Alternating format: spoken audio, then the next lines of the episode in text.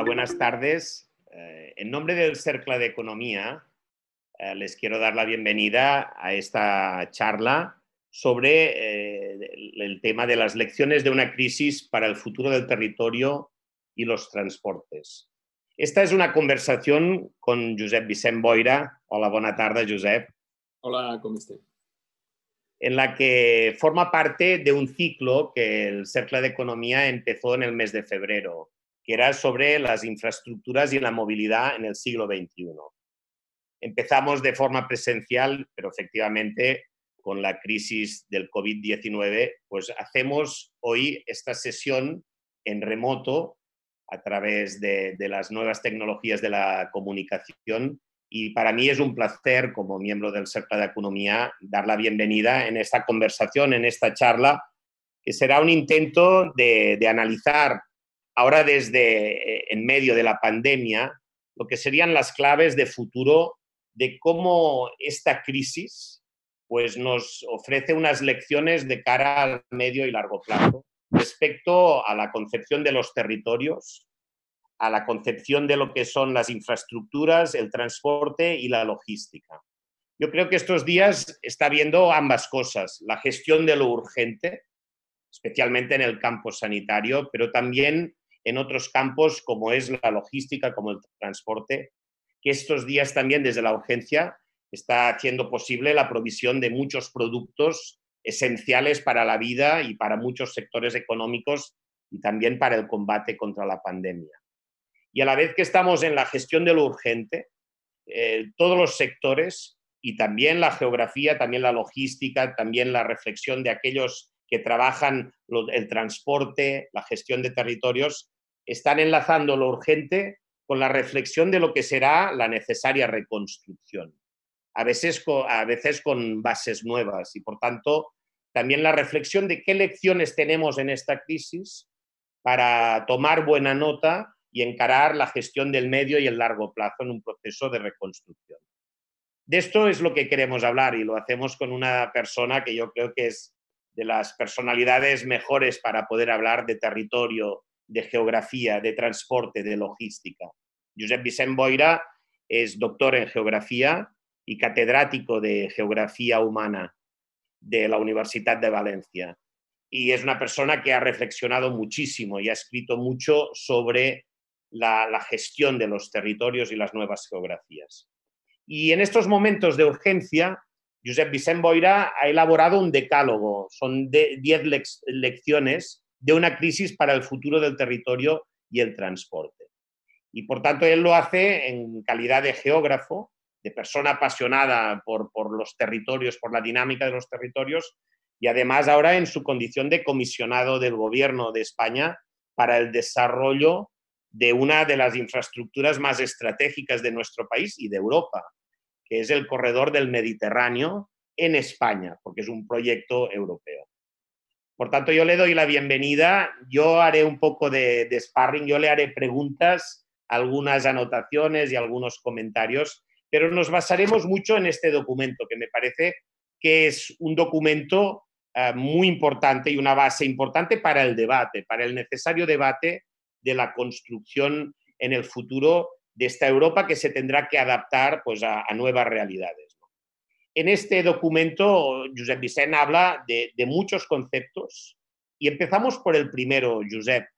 Hablas de escalas y globalización. Introduces algún concepto que ya se había hablado antes, pero que en todo caso a partir de esta crisis yo creo que gana fuerza, ¿no? que es la de la globalización regionalizada. ¿no?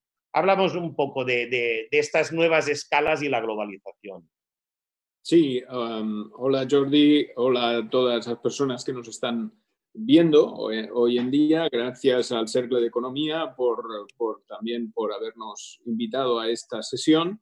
Y la verdad es que ciertamente eh, ocurre, está ocurriendo unos cambios, unos cambios que se traducirán en, algún, eh, en un escenario nuevo en el que esta globalización indiscriminada que hemos vivido hasta ahora, con estas grandes cadenas de suministro, con estas grandes y enormes, eh, larguísimas eh, cadenas de abastecimiento y de consumo, de alguna manera van a tener que cambiar por razones de todo tipo, estratégicas, sanitarias, económicas incluso, con lo cual la globalización no va a finalizar. Esta es, es una evidencia y tampoco volveremos a la autarquía, sino que buscar, encontraremos un escenario en el que ah, avanzaremos en una globalización, como has dicho, una globalización regionalizada, una, globalización más de proximidad, de la media distancia, con algunos de los grandes flujos eh, interoceánicos que, conoce, que, nos han, que,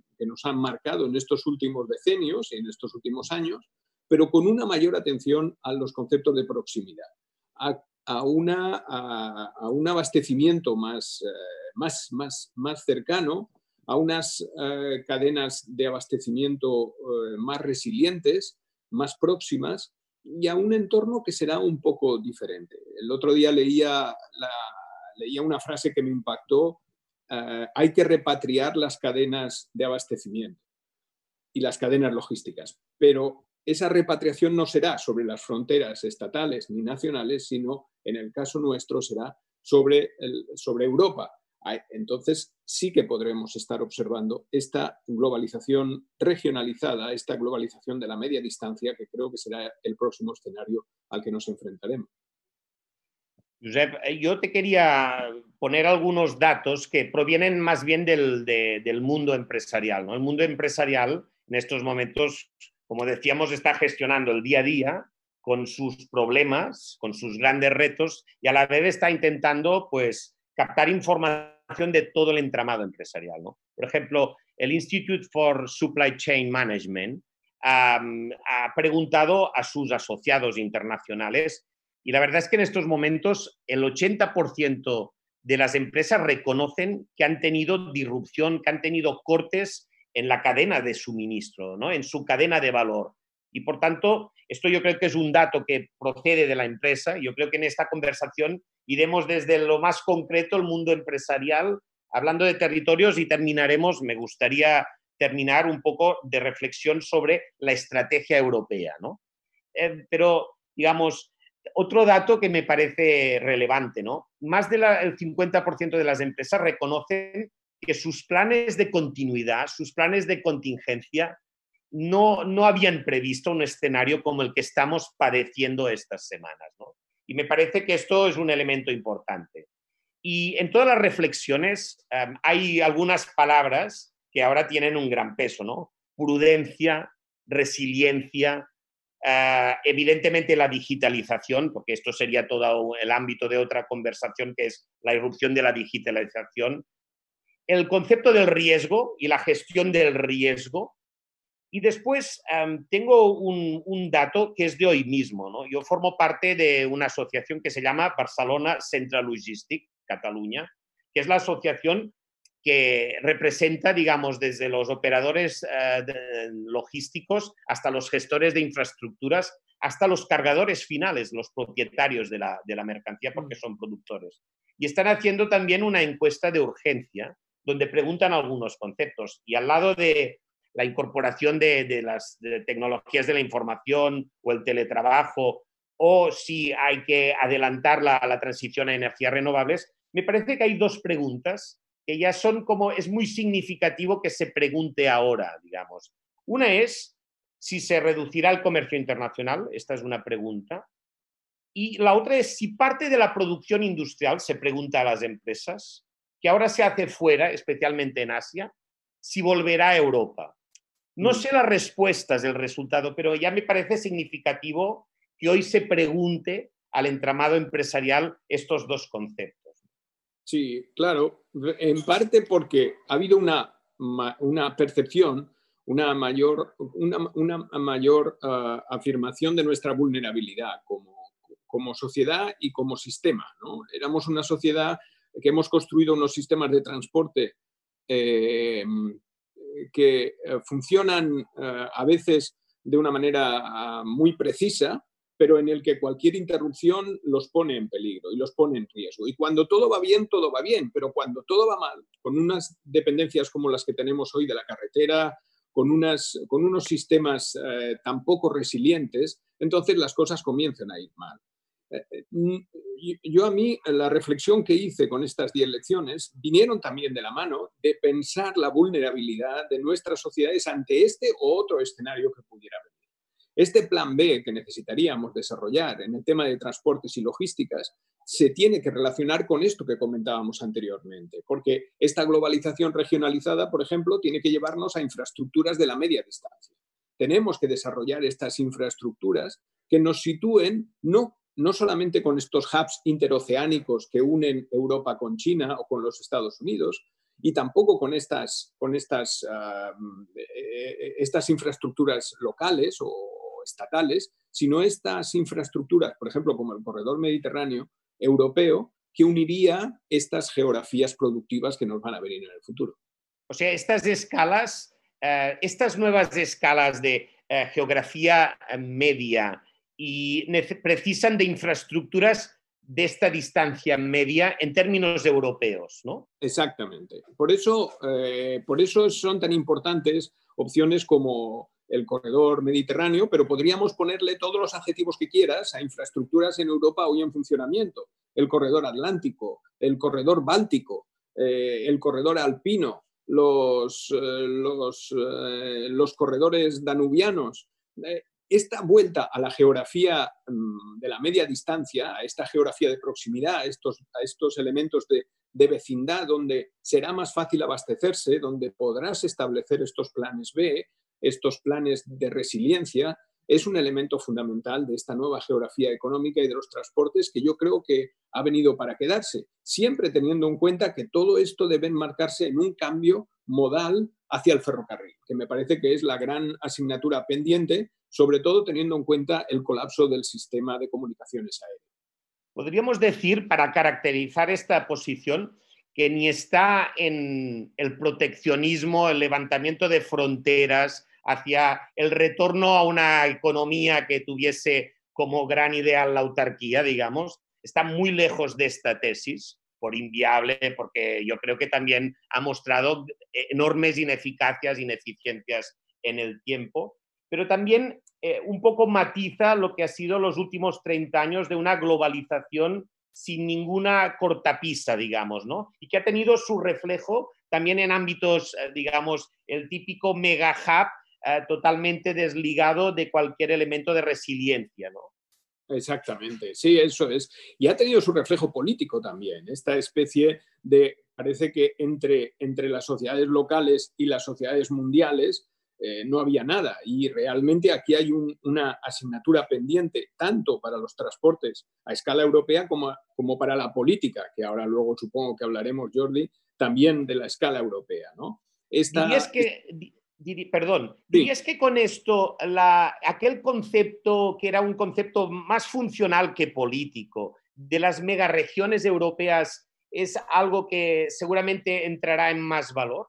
Exactamente. Están, aparecerán eh, todos estos elementos, estos principios objetivos que estamos discutiendo aquí esta tarde eh, tan amigablemente y espero que interesen a, quienes nos escuchan sobre esta geografía de la media distancia, estos transportes de proximidad, esta globalización regionalizada, tendrá una forma también sobre el territorio. Y no vendrá por la parte política, no vendrá como una decisión política, sino vendrá como una necesidad empresarial, económica, social. Y efectivamente, yo creo que las estrategias megaregionales, las megaregiones que hoy en Europa son muy habituales entre países diferentes, dentro de un mismo país y, enlazando con las regiones de otros países, también van a, a, ofrecer oportunidades para coordinar las políticas logísticas, para coordinar las políticas económicas, para encontrar clientes y abastecedores y para cambiar esta escala. Parece que no había nada entre la escala estatal y, por ejemplo, la escala europea. Se pasaba directamente de Madrid a Bruselas, por, llamar, por hablar de capitales políticas. Pero no, hay, habrá una escala intermedia, estas megaregiones, que yo creo que van a tener un peso y los gobiernos autonómicos españoles yo creo que deberían avanzar en esta idea de unas estructuras megaregionales que ayuden a coordinar las políticas en estos territorios de proximidad. El, primer concepto era escalas y globalización, el segundo infraestructuras, el tercero estas nuevas realidades territoriales el cuarto concepto es la resiliencia. ¿no? Resiliencia se habla, en el ámbito industrial, la resiliencia de una cadena productiva. el, poder garantizar la continuidad del proceso productivo y es un proceso que a través de la ingeniería ahora se está en el campo de la psicología, en el campo de las ciudades que yo trabajo, pues se habla mucho de la resiliencia urbana ¿no? y por tanto de las ciudades. ¿no?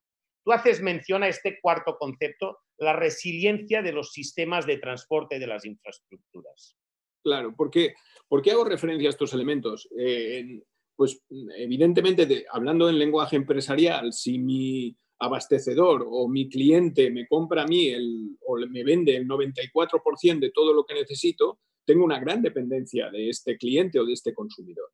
Esto es lo que está pasando hoy en España, por ejemplo, con el sistema de transportes. El sistema de transportes de mercancías depende en un 96%, 95-96% del transporte por carretera.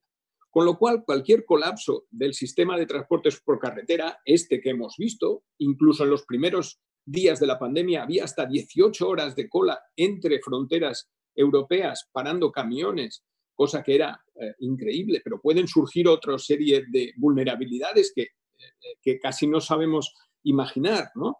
Ah, estas dependencias tan grandes de, algunos elementos, esta, esta, esta, poca flexibilidad de nuestros sistemas de, de, abastecimiento, de logística y de transportes, todos estos elementos eh, inciden en la necesidad de hacer un pensamiento, de, reflexionar sobre la, cómo podemos hacer mucho más resiliente el sistema de transportes y logístico en España. Yo creo que era muy buena la imagen que decías de los estados y la, Unión Europea ha tenido que establecer carriles verdes en la frontera para garantizar el, paso de las fronteras, ¿no? Y tú dices, hombre, hay un gran carril verde que es el ferrocarril. Efectivamente, eh, ha sido muy curiosa esta opción porque, porque cuando la, comisaria de Transportes eh, señaló, y la comisión también, la necesidad de establecer estos carriles verdes para que los camiones pudieran pasar rápidamente a efectos de abastecer a los diferentes países de la Unión con los productos alimentarios o sanitarios o de urgencia, y por tanto decir que como máximo un camión tenía que estar 15 minutos en frontera, yo me echaba las manos a la cabeza porque pensaba que los carriles verdes ya existen y esos carriles verdes se llama ferrocarril. Y ese ferrocarril, es mucho más fácil de controlar desde origen a destino, porque no tiene por qué ser analizado en cada frontera por las que pasa, ah, eh, con mucha menos riesgo para los trabajadores y las trabajadoras, porque eh, su consumo, su necesidad de mano de obra es mucho menor que los camiones y con más capacidad de carga, incluso a cualquier hora del día y de la noche, ya, ya es una materia por la que se debería apostar. No solo para esta pandemia, sino a efectos de la sostenibilidad, a efectos de la lucha contra el cambio climático, de la mayor eficiencia de las empresas, de cualquier otros aspectos. Por eso eh, me parecía muy bien que, que, la Comisión establezca esta idea de los corredores verdes, pero valdría la pena que también dedicara esta atención a lo que ya tiene y debería ser mucho más desarrollado.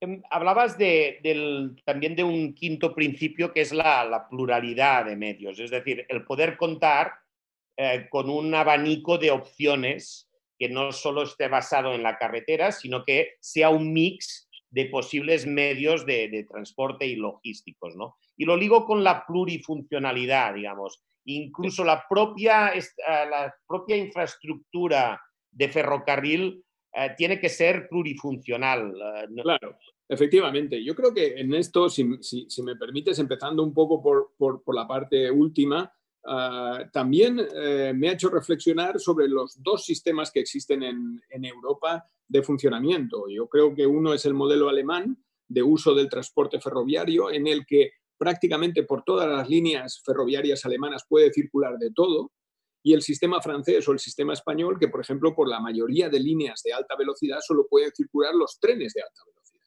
Date cuenta que en estos últimos semanas el, tráfico prácticamente de alta velocidad ha bajado entre un 80 y un 90%. En algunos lugares ha dejado de existir el tráfico de alta velocidad de aves por la red.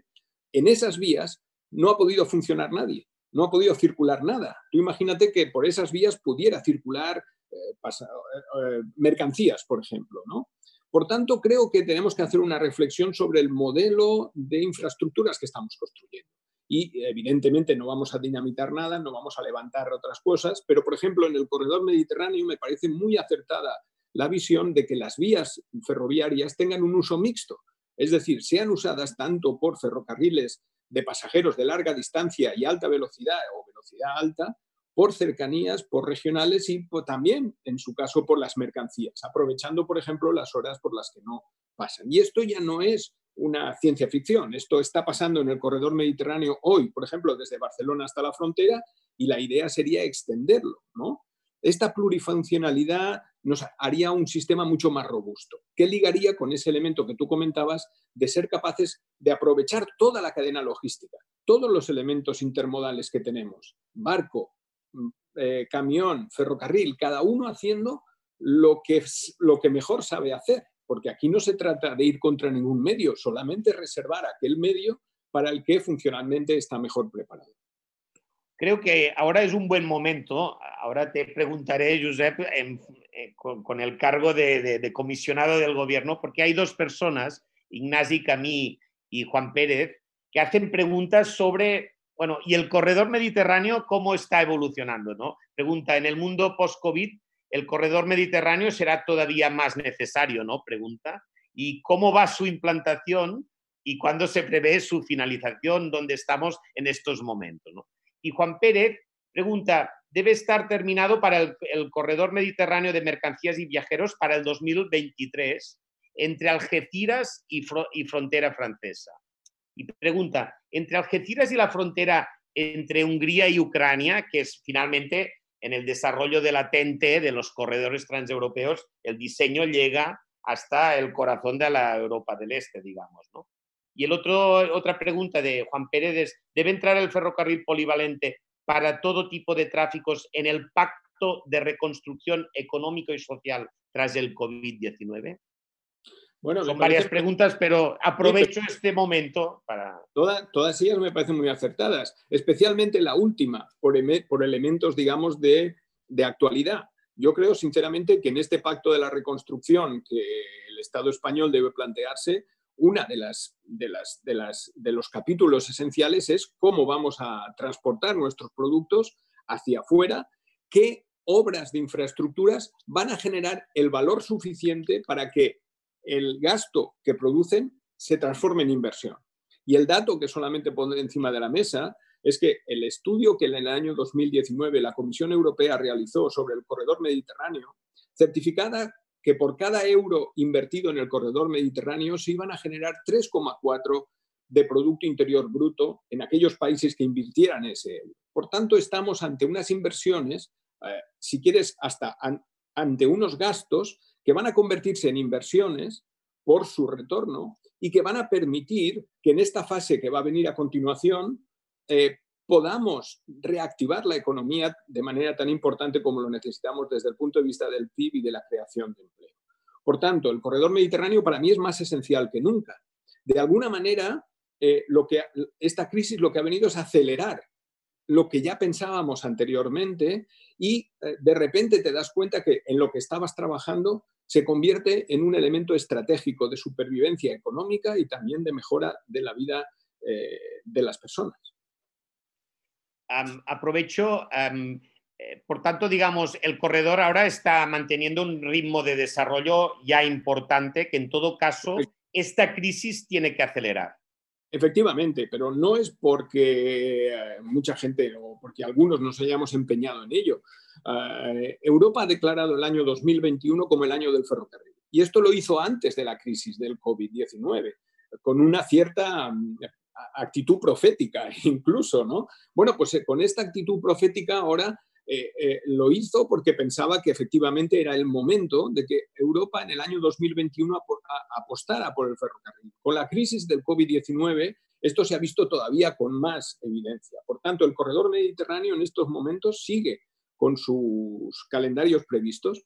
Ah, en realidad, como el corredor mediterráneo forma parte de la red transeuropea de transportes el, año para que esté finalizado es 2030. Es en el 2030 cuando todo el corredor mediterráneo europeo debería estar ya en funcionamiento y, por tanto, este es el calendario con el que se está trabajando.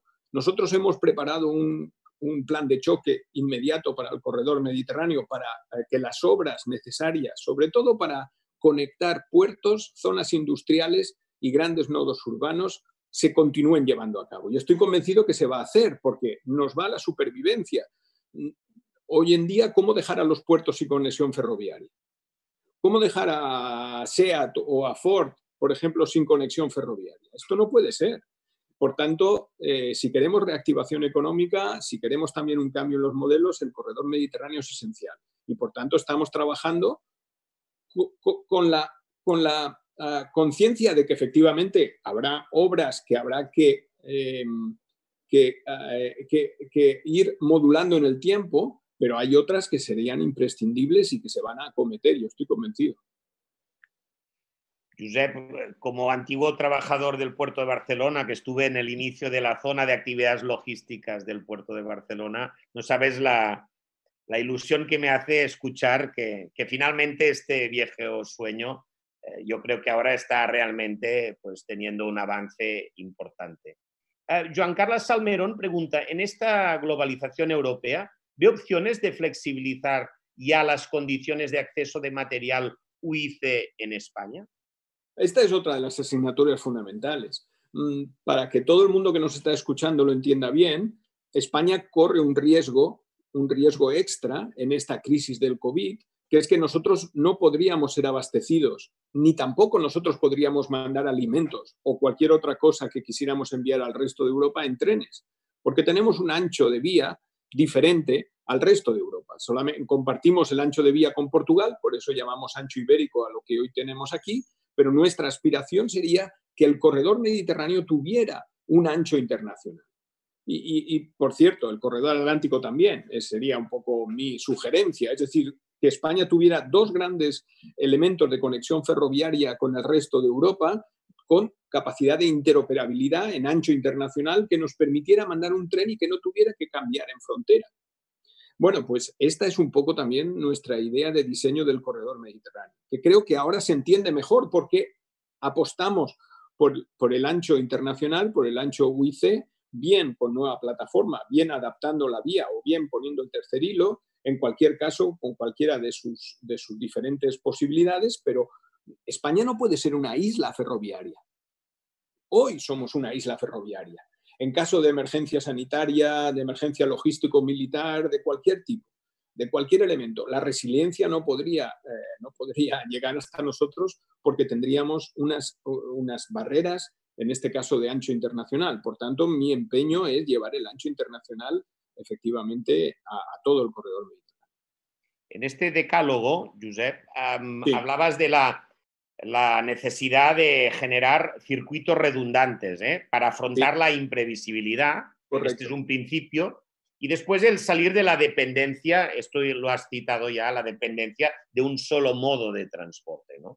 Y hay un noveno principio que es la interoperabilidad. Eh, yo ah, me acuerdo que ya en los 90 soñábamos con un túnel que nos, eh, que nos conectase con Francia y el resto de Europa de manera más eficaz.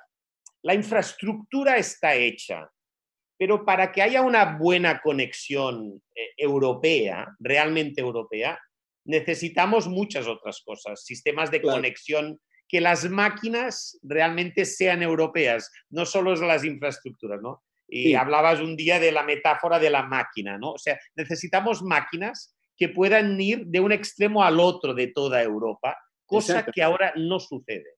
Exactamente, Jordi. Un poco lo que tenemos que hacer es, eh, eh, podemos incluso ponerlo en relación con, estas, estas, mm, con esta inteligencia artificial que, ahora nos invadirá, con, este, con estas máquinas que deciden, con estas máquinas capaces de hacer muchas cosas. Bueno, pues hoy en día parece mentira, pero la máquina, la máquina, la locomotora, por ejemplo, y el material móvil de nuestras vías ferroviarias no pueden pasar a Europa desde el punto de vista de las mercancías. Es imposible ni ninguna máquina europea, hablamos de mercancías, pueden entrar en nuestro país. Esto me parece que es mm, ya no del siglo XX, es del siglo XIX. Y por tanto, uno de los elementos fundamentales es volver nuestra mirada a esta máquina como metáfora de Europa. En estos momentos, por ejemplo, las, mm, hay locomotoras que son capaces de circular por cuatro países. Eh, Francia, Alemania, eh, Bélgica, Suiza, o la clase 77, por ejemplo, que es una buena metáfora de Europa, que es una máquina alemana, un, monstruo de 127 toneladas, que es capaz de circular sin ningún problema por Francia, por Alemania o por Bélgica. Bueno, pues en estos momentos no tenemos locomotoras que puedan circular ah, fuera de España con esta capacidad y esta versatilidad. Esto es una metáfora de nuestro país y es una metáfora de Europa, sinceramente también. Que en el año 2021 no haya una homologación, una interoperabilidad de todo el sistema. Ten en cuenta que tenemos... Ah, mm, eh, tú imagínate que, que, con nuestro coche no pudiéramos llegar hasta, hasta Dinamarca, por ejemplo. Que tuviéramos que cambiar de coche o que tuviéramos que cambiar de gasolina o que tuviéramos que cambiar de conductor o que tuviéramos esto que ha sido desarrollado y que la máquina se ha adaptado a la carretera es el proceso que hoy todavía tenemos que hacer en el ferrocarril. Por eso efectivamente hablaba muchas veces de la máquina como metáfora, la máquina como metáfora de un proceso de unificación que todavía en el tema ferroviario todavía tiene un gran camino que recorrer. Europa en esto está por construir. Yo te quería preguntar respecto, ahora estamos en el tema del ferrocarril, em, ¿y cuáles son las posiciones de los gobiernos nacionales eh, y, del, y de la Comisión Europea? ¿Cuál es la actitud en estos momentos que tú ves? Bueno, yo hemos tenido oportunidad de hablar mm, muchas veces en Bruselas con la coordinadora del Corredor Mediterráneo ah, y la coordinadora del Corredor Mediterráneo como representante de la Comisión para los grandes corredores transeuropeos está totalmente a favor de, esta, de estos aspectos, de esta, de esta interoperabilidad que yo estaba comentando. Ah, desgraciadamente, no todos los estados mm, eh, están haciendo una apuesta tan clara por la interoperabilidad. Hoy en día tenemos, seguimos teniendo problemas en la conexión España-Francia, pese, a tener el túnel de Lepertus, que es una de las grandes eh, posibilidades que se nos abren y que deberíamos aprovechar mucho más todavía, pero cuando uno entra en Francia y, pasa el túnel de Lepertus y llega a la red eh, habitual, digamos, francesa, pues encuentra una serie de obstáculos, una serie de problemas que imposibilitan sacarle todo el partido a la inversión que se está haciendo en el corredor mediterráneo. Por tanto, yo creo que esto mm, es una reflexión que puede parecer muy técnica, puede parecer puramente funcional, pero en definitiva también es una reflexión política sobre cómo se está articulando el sistema de comunicaciones de transporte en, en Europa relacionado sobre todo con un objetivo que me parece estratégico, que es la, libre circulación de personas y de mercancías, que es la base de la unificación, o una de las bases de la unificación europea. Claro, claro. Una, mm, hay una pregunta eh, que, de la plataforma provincial Granada por el tren que preguntan y se preocupan por, eh, poder conectar, digamos, el sureste de pues, eh, pues Granada, Antequera, Almería, Algeciras con este gran proyecto y preguntan cómo está, digamos. Sí, bueno, efectivamente. Nosotros tenemos una, eh, un plan, tenemos un plan de trabajo con el corredor mediterráneo que lógicamente ah, después de lo que ahora es la crisis del COVID y los problemas que vamos a arrastrar desde el punto de vista de la financiación, pues evidentemente tendrá que ser sometido a, una, a una revisión ya he dicho que me parece que la apuesta esencial debe mantenerse. La apuesta esencial por tener un corredor mediterráneo plurifuncional de uso mixto y que de alguna manera permita ser el elemento de conexión de, eh, España con el, resto, con el resto de Europa. Y por tanto, todo el corredor mediterráneo en su extensión, efectivamente, desde Algeciras, pasando por Granada o por Almería, eh, por, Murcia, Cartagena, Alicante, Valencia, Castellón, Tarragona, Barcelona, hasta la frontera francesa, debería, y es lo que estamos intentando y es lo que estamos en lo que estamos trabajando, que responda a un estándar de, eh, de, de, operaciones y de características eh, acorde a todo lo que hemos estado discutiendo desde que hemos empezado esta, esta conversación. Yo creo que desde el punto de vista de los objetivos, Mm, a, los amigos de Granada les, les dejaría eh, dicho que efectivamente eh, tenemos un mismo objetivo que luego, evidentemente, vamos a tener que adaptar a, los escenarios eh, económicos y, financieros, pero en cualquier caso, a mí me interesa mucho remarcar que los objetivos los tenemos muy claros y estos objetivos los he venido en esta charla que estamos teniendo esta tarde los he venido poniendo encima de la mesa. Bueno, llegamos al, último principio del decálogo, que tú lo anunciabas como complementar el just in time. ¿no? La, cadena de valor global eh, implicaba y estaba ligada a la tesis de casi stock cero, la inmediatez de, desde la producción hasta el punto de consumo. Em, estos elementos con esta crisis, em, digamos, quedan un poco en cuestión o en todo caso se tiene que reflexionar sobre este elemento o matizarlo, ¿no? Tú eh, pensabas también en elementos de centros logísticos, elementos donde se puede desarrollar. Ah, antes de la pandemia, un, un, industrial con fábricas en China de componentes de la industria del automóvil me comentaba casi jocosamente que la hora tendrá que pensar en, él decía, refugios atómicos, es decir, espacios donde lo decía jocosamente, pero lo decía muy en serio, ¿no? Ah, porque estaba viviendo como al fallar el proceso productivo e, en China, ah, digamos, el resto de la cadena podía fallar en pocas semanas y paralizar la producción de, la industria del automóvil aquí en España, en algunos casos, en algunos modelos.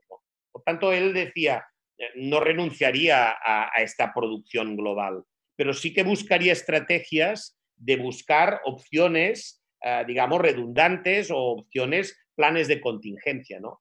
Lo enlazo con este principio que tú dices de complementar el just in time.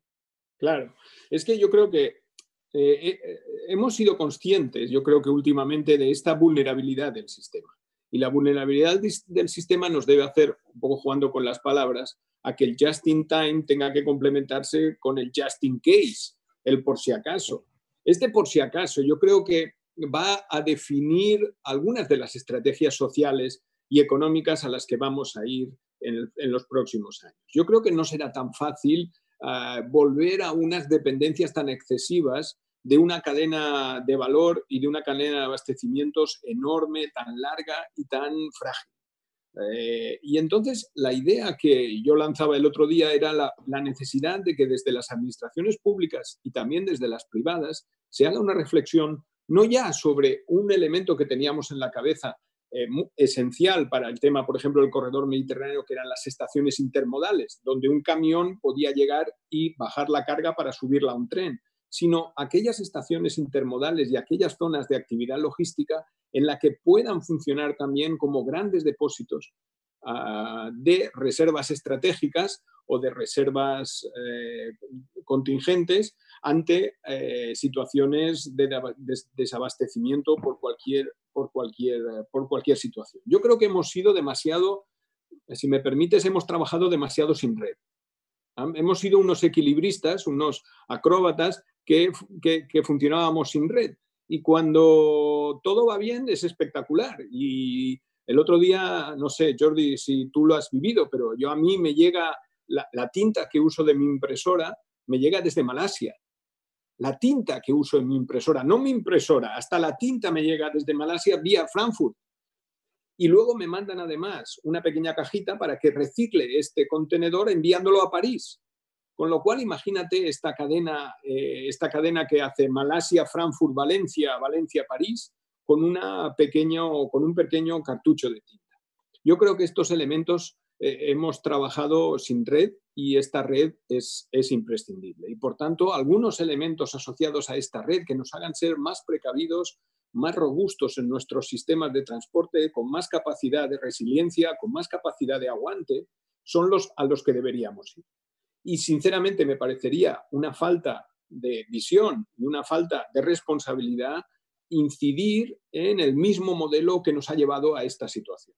Y por tanto creo que entre todos, y por eso agradezco mucho la sesión de hoy, me gustaría que entre todos pensáramos esta este nuevo esquema, este, este nuevo mapa de comunicaciones, de territorios, de infraestructuras que nos permitan estar más cómodos con esta, eh, con esta situación de vulnerabilidad a la que esta crisis del COVID-19 nos ha enfrentado y que eh, ciertamente puede venir de la mano de una crisis climática o puede venir de la mano de otra manifestación de esta vulnerabilidad. Por tanto, lo que sí que crees es que sin renunciar a, beneficios que ha tenido la, globalización de la producción, de, la cadena logística que es más larga, que ha sido más larga, ah, sí que en todo caso lo matizarías en que tenemos que poner pues, redes de protección y elementos de, preservar ciertos ah, niveles de calidad. Y yo creo que esto enlaza, a mí, para mí es, es interesante escucharte porque yo creo que enlaza con las reflexiones que la gente que está trabajando ¿no? cada día ahora la logística está empezando a hacer, desde cargadores finales, o sea, responsables de logística de productores, a los operadores logísticos. Yo creo que esta es una reflexión que todo el mundo está haciendo, sin negar que seguiremos teniendo cadenas logísticas, que habrá globalización, pero yo diría que es esta posición que es alternativa a la negación de la globalización, que es, es alternativa a lo que sería, eh, digamos, de otras corrientes fruto del populismo, que es cerrar fronteras, el, empezar a cerrar estos espacios, ¿no? Diría que es como una tercera vía, ¿no? Entre la globalización sin redes y lo que sería un principio que al final terminaría en el extremo, casi una caricatura, en las autarquías, digamos. Efectivamente. es una posición ah, intermedia que para mí es sugerente, digamos, ¿eh? esta, esta geografía de media distancia. Eso es, esa, es un poco el, una parte esencial de la reflexión que yo pongo de manera eh, un poco eh, deslavazada, pero de urgencia, encima de la mesa en estos momentos. Por eso hablábamos de los planes de reconstrucción de España después del COVID, etcétera. Todo esto tiene que venir se ha dicho ya por muchas personas, el futuro será tal y como hoy lo, estemos diseñando, ¿no? No, no, está diseñado, lo, estaremos diseñando día a día con nuestras decisiones. Y en este caso, efectivamente, eh, creo que tan negativo sería la renacionalización de la producción económica como confiar nuevamente en esta globalización indiscriminada. Y por eso, efectivamente, me gusta esa idea que tú comentas de la tercera vía, de esta eh, globalización regionalizada o de la media distancia, que nos permitiría ser, tener una robustez mayor de nuestro propio sistema económico, nuestro propio sistema social y con nuevas actividades que podrían ayudar a impulsar la actividad económica. Fíjate que hasta que vuelvan a funcionar eh, todos los aspectos de ocio, de restauración, de turismo, todavía pasarán, pasará tiempo. Pero en cambio, eh, podemos encontrar unos nichos de trabajo en las actividades logísticas, en la manipulación de mercancías, en la construcción de infraestructuras que aporten un valor añadido cuando se acaben. Es decir, no hacer un keynesianismo clásico de voy a hacer la infraestructura porque voy a generar durante la obra, voy a generar empleo, después ya veremos. No, no, es que tendremos que priorizar aquellas infraestructuras que al mismo tiempo que están ocupando a gente en su construcción, después vayan a generar un valor añadido a la economía. Por eso mi, mi confianza en que entre esa priorización estará, y estoy convencido que así, lo, que así será, el corredor mediterráneo. Una cosa, em, terminado el decálogo, em, yo te expresaría em, que vayamos a Europa finalmente, ¿no? porque partimos de las empresas, de la logística, del transporte, de las infraestructuras, pero estos son medios para conseguir, digamos, algunos objetivos finales. ¿no? Y ahora te hablo como Círculo de Economía desde que se fundó en el 58, por tanto, en un país que venía de la autarquía y, por tanto, em, para superarla, justamente se fundó con la idea de la apertura, ¿no? de la apertura eh, social, económica, industrial, productiva. ¿no? Y, por tanto, el Círculo defiende eh, pues, un modelo productivo ¿eh? en una economía abierta, donde la productividad es un elemento muy importante. Esto es un elemento. Otro es la defensa de Europa, como proyecto no solo económico, sino político, un proyecto fuerte, ¿no? Y finalmente, para defender la democracia, la democracia, digamos, que nosotros tenemos en esta parte del mundo, ¿no? Entonces, todo esto que hemos estado hablando, ahora te diría subir un poco el foco, digamos, ¿no? Porque, o sea, aquí detrás lo que tiene que haber es, ¿cuál será la estrategia? ¿Cuál era cuál es y cuál debe ser la estrategia de Europa si es que Europa quiere ser sujeto en este mundo de grandes regiones y competir ante grandes regiones. como lo digo para enlazar, digamos, lo que hay detrás de, tu discurso, en el fondo es, ah, haremos esta globalización regionalizada con Europa. Ah, haremos la construcción de estos nuevos espacios con Europa. Es imposible hacerlo sin Europa o contra Europa, ¿no? Y por eso digamos, em, ahora estamos en plena pandemia, pero la reconstrucción tiene que ser una reconstrucción europea, o yo defiendo la tesis de que o hay una reconstrucción con Europa o no habrá reconstrucción, ¿no?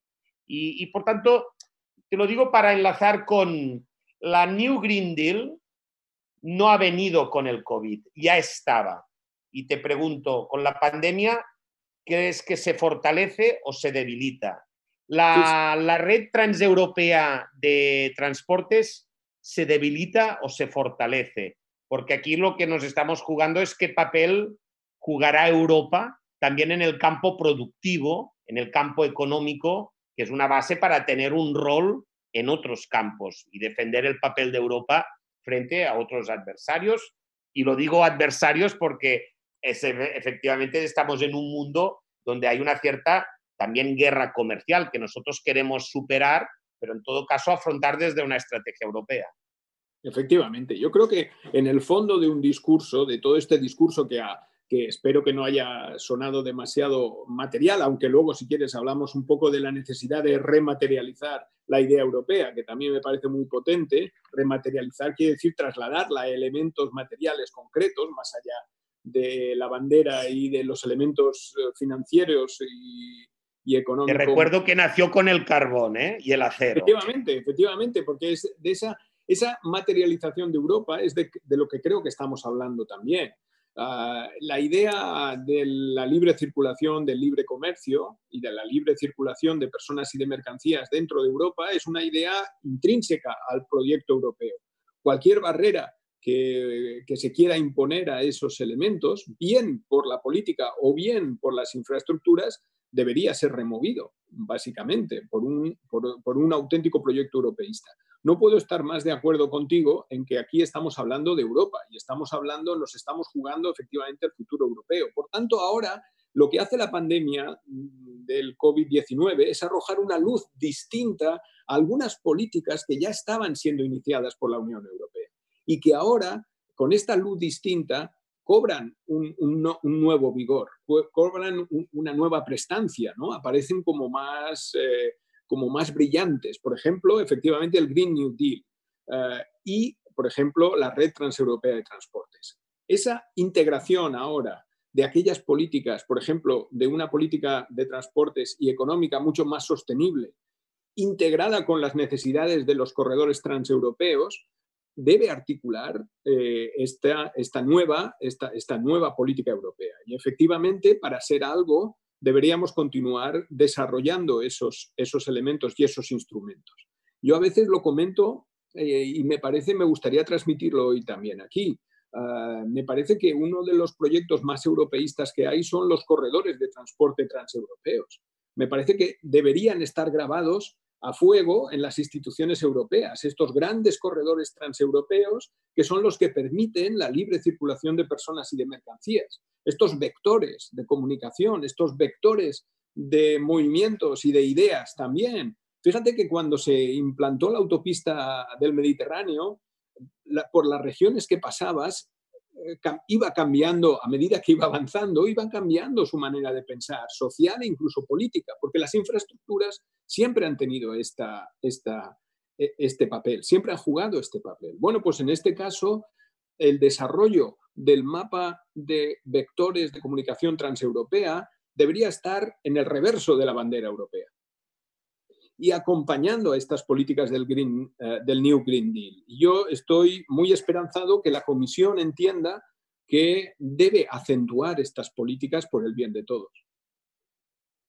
Bueno, porque si no, el cero emisiones de gases de efecto invernadero en el 2050 no se conseguirá. No, ¿no? conseguirán, efectivamente. desacoplar, digamos, el, crecimiento económico del, de utilizar los recursos del consumo ilimitado de recursos tampoco lo conseguiremos, digamos. claro, efectivamente. Efectivamente, con lo cual ah, ahora no queda más que seguir. Ah, eh, la crisis del COVID lo que ha hecho ha sido como hemos mm, quemado una etapa, e, es como estas fases de los, de los cohetes eh, que van quemando que van quemando combustibles, van quemando etapas para llegar más lejos. Desgraciadamente ha tenido que llegar esta crisis del COVID, digo desgraciadamente por las, por las enormes pérdidas y dolorosas pérdidas humanas que ha propiciado, pero al mismo tiempo lo que nos ha hecho es abrir más los ojos a estos proyectos que ya venían desde antes y que lo que hacen es que nos han permitido pues a lo mejor quemar 5, 10, 10 años de discusiones y de debates que hemos visto clarísimo cuando nos, cuando nos asomamos a lo que pasa en nuestras calles, en nuestras fábricas, en nuestros puertos, en nuestros territorios. Al observarlo, eh, debemos sacar las lecciones. Sería, sería eh, tristísimo que no supiéramos sacar estas lecciones eh, en una situación tan dramática como la que estamos viviendo. Bueno, en un canal digital como este, hablar de la rematerialización de Europa, a mí me, sabes que me gusta.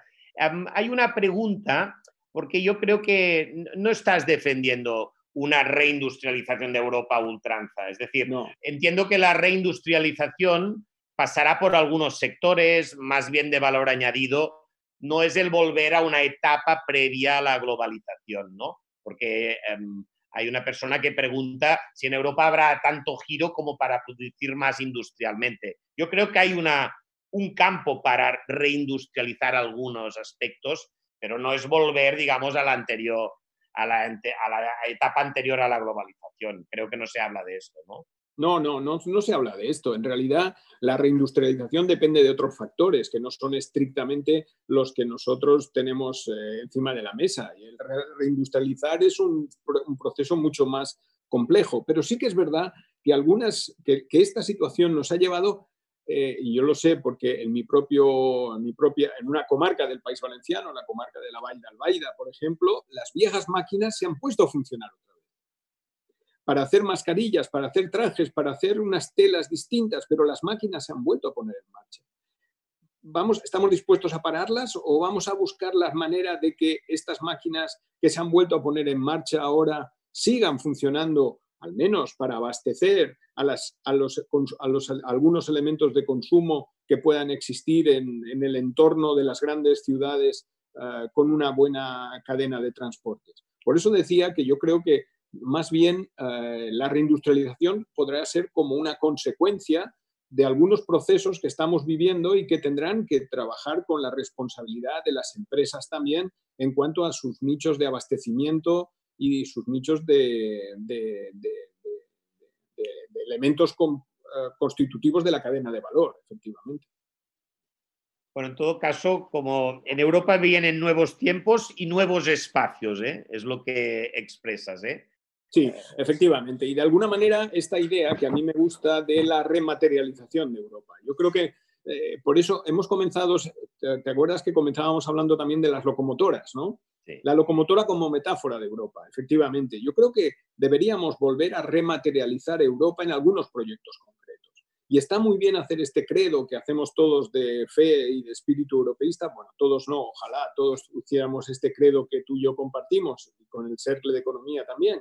Pero este credo europeísta lo deberíamos ah, transformar en, acciones y en, en, un proceso de rematerialización de la unificación y esta rematerialización podría basarse perfectamente eh, en el campo que hoy nos está, nos está eh, concitando esta, esta sesión, en esta idea de la red de transportes, de una auténtica red de transportes transeuropea eh, que materialice el espíritu de, la, de, Europa. Muy bien. Pues hay algunas preguntas. Jerome Martini pregunta, em, el Banco UBS estima que esta crisis también producirá un aumento de la transferencia del avión a la alta velocidad para viajeros en distancias largas y muy largas en Europa y también en China. ¿Qué opinas? Totalmente de acuerdo. Yo creo que ah, yo también me he leído el informe de UBS, me parece que es un informe que debería conocerse mucho más, lo estamos trabajando también para darlo a conocer, pero es un informe que, eh, que no es de parte, sino que es de una institución como el Banco UBS y que está situando, eh, está abriendo la puerta para nueva, una nueva etapa dorada del ferrocarril. Y tanto el ferrocarril, allí se habla del tren de alta velocidad, pero yo creo que se está apostando en definitiva por el tren en general, de transporte de pasajeros como de mercancías. Ah, y efectivamente, no puedo darle más la razón que las previsiones para el transporte aéreo son muy negativas y no solamente son negativas, sino que también de alguna manera lo que están haciendo es aumentar la capacidad del ferrocarril para conectar en torno a las 3, 4, 5, hasta 6 horas de viaje, que por ejemplo en las encuestas que acaba de hacer VS eh, certifica que un viajero de, turismo estaría dispuesto a soportar, igual que un, turista, que un viajero de negocios estaría dispuesto a soportar más de dos horas de un viaje. Esto da nuevas oportunidades a aquellas, a aquellas ciudades que tengan estas conexiones ferroviarias importantes, no solamente a escala estatal, sino también a escala europea, lógicamente. Y estoy pensando, por ejemplo, un Barcelona-París, por ejemplo, o un Valencia-Barcelona-París, que podrían ser elementos que vinieran o que estuvieran para quedarse siempre que la infraestructura lo permita, lógicamente. Otra pregunta sería, para poder acelerar el cambio de modo de transporte, ¿sería interesante analizar cómo poder traspasar el canon de infraestructura también al transporte por carretera? ¿Podría hacerse a nivel europeo? Bueno, yo creo que a nivel europeo ya se está haciendo, pero mm, yo creo que hay caminos intermedios o previos hacer penalizar el transporte por carretera, que son las ayudas, por ejemplo, al transporte ferroviario. Yo creo que lo que hay que empezar es por un decreto de ayudas al transporte ferroviario, que me parece, al transporte combinado, no solamente ferroviario, sino aquel que coja el camión y lo suba al tren, por ejemplo. Esto no iría contra el camión, no iría contra los camioneros, no iría contra el transporte terrestre, sino lo que sencillamente haría es permitir que los camiones suban al tren para distancias largas. Por tanto, mi apuesta, más que penalizar al transporte por carretera, sería eh, que, y eso sí que está permitido dentro de lo que hablábamos anteriormente del combate al cambio climático, eh, estas ayudas, estos decretos de ayudas para el transporte combinado que, que apoyaran el subir un camión a un tren. Muy bien, Josep, pues se nos ha pasado esta hora. Eh, la verdad es que ha sido un placer. Quiero recordar y agradecer al BBVA que hace posible este ciclo de infraestructuras y movilidad del siglo XXI y quiero agradecer pues, a las más de 80 personas que han participado eh, en esta sesión. Me ha gustado mucho la, frase del just in time al just in case. Creo que expresa, creo que está bien como frase, porque creo que sin negar aquello que nos ha llevado a décadas de un progreso importante, de ganar en eficiencia en muchos procesos, se nos abre ahora una etapa que, eh, digamos, que en la que tenemos que innovar, que añadir algunas dimensiones de salvaguarda de cosas que se han visto estas semanas de manera radical, pues un poco en cuestión. ¿no? Yo creo que esto es añadir unas nuevas dimensiones sin negar nada, pero añadir una dimensión que en nuestro caso, en, la parte del mundo donde vivimos, pasa por fortalecer el proyecto europeo. ¿eh? Yo creo que eh, justamente para defender determinados valores europeos. Esto pasa por mejorar el proceso productivo, la productividad de Europa, y esto pasa por um, buena logística, que pasa por buenos sistemas de transporte, buenas infraestructuras de conectividad. Eh, en definitiva, me gusta poner énfasis que estos son instrumentos al servicio de la defensa de un determinado modelo social europeo que está compitiendo, ¿no? lo compite a nivel económico, pero también en otros temas con grandes potencias. ¿no? Y por tanto yo diría que en todo caso también expresar, creo que algo que compartimos, solo juntos podremos abordar estos retos. Solo sumando esfuerzos los europeos podremos desarrollar una New Green Deal que nos permita digamos, aliarnos con los mejores valores industriales de Europa hacia una nueva transición eh, también eh, ecológica de las nuevas energías y que podamos liderar lo que es la economía ambiental.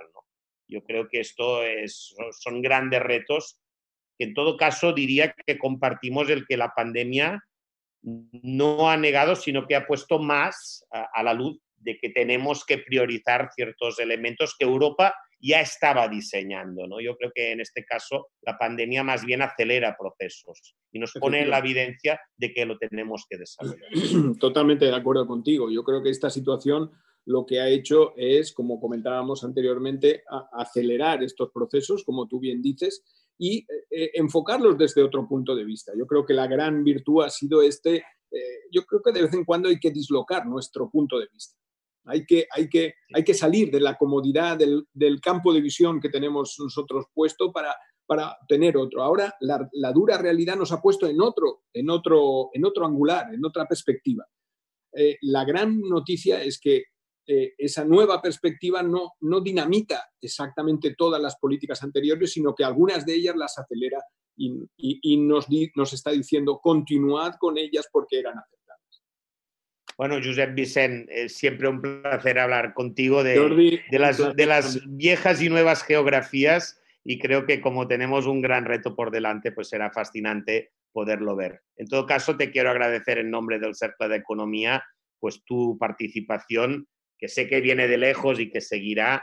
Eh, te deseo todo el éxito en la construcción del ansiado y anhelado corredor mediterráneo, que espero algún día que lo podamos ver ya finalizado.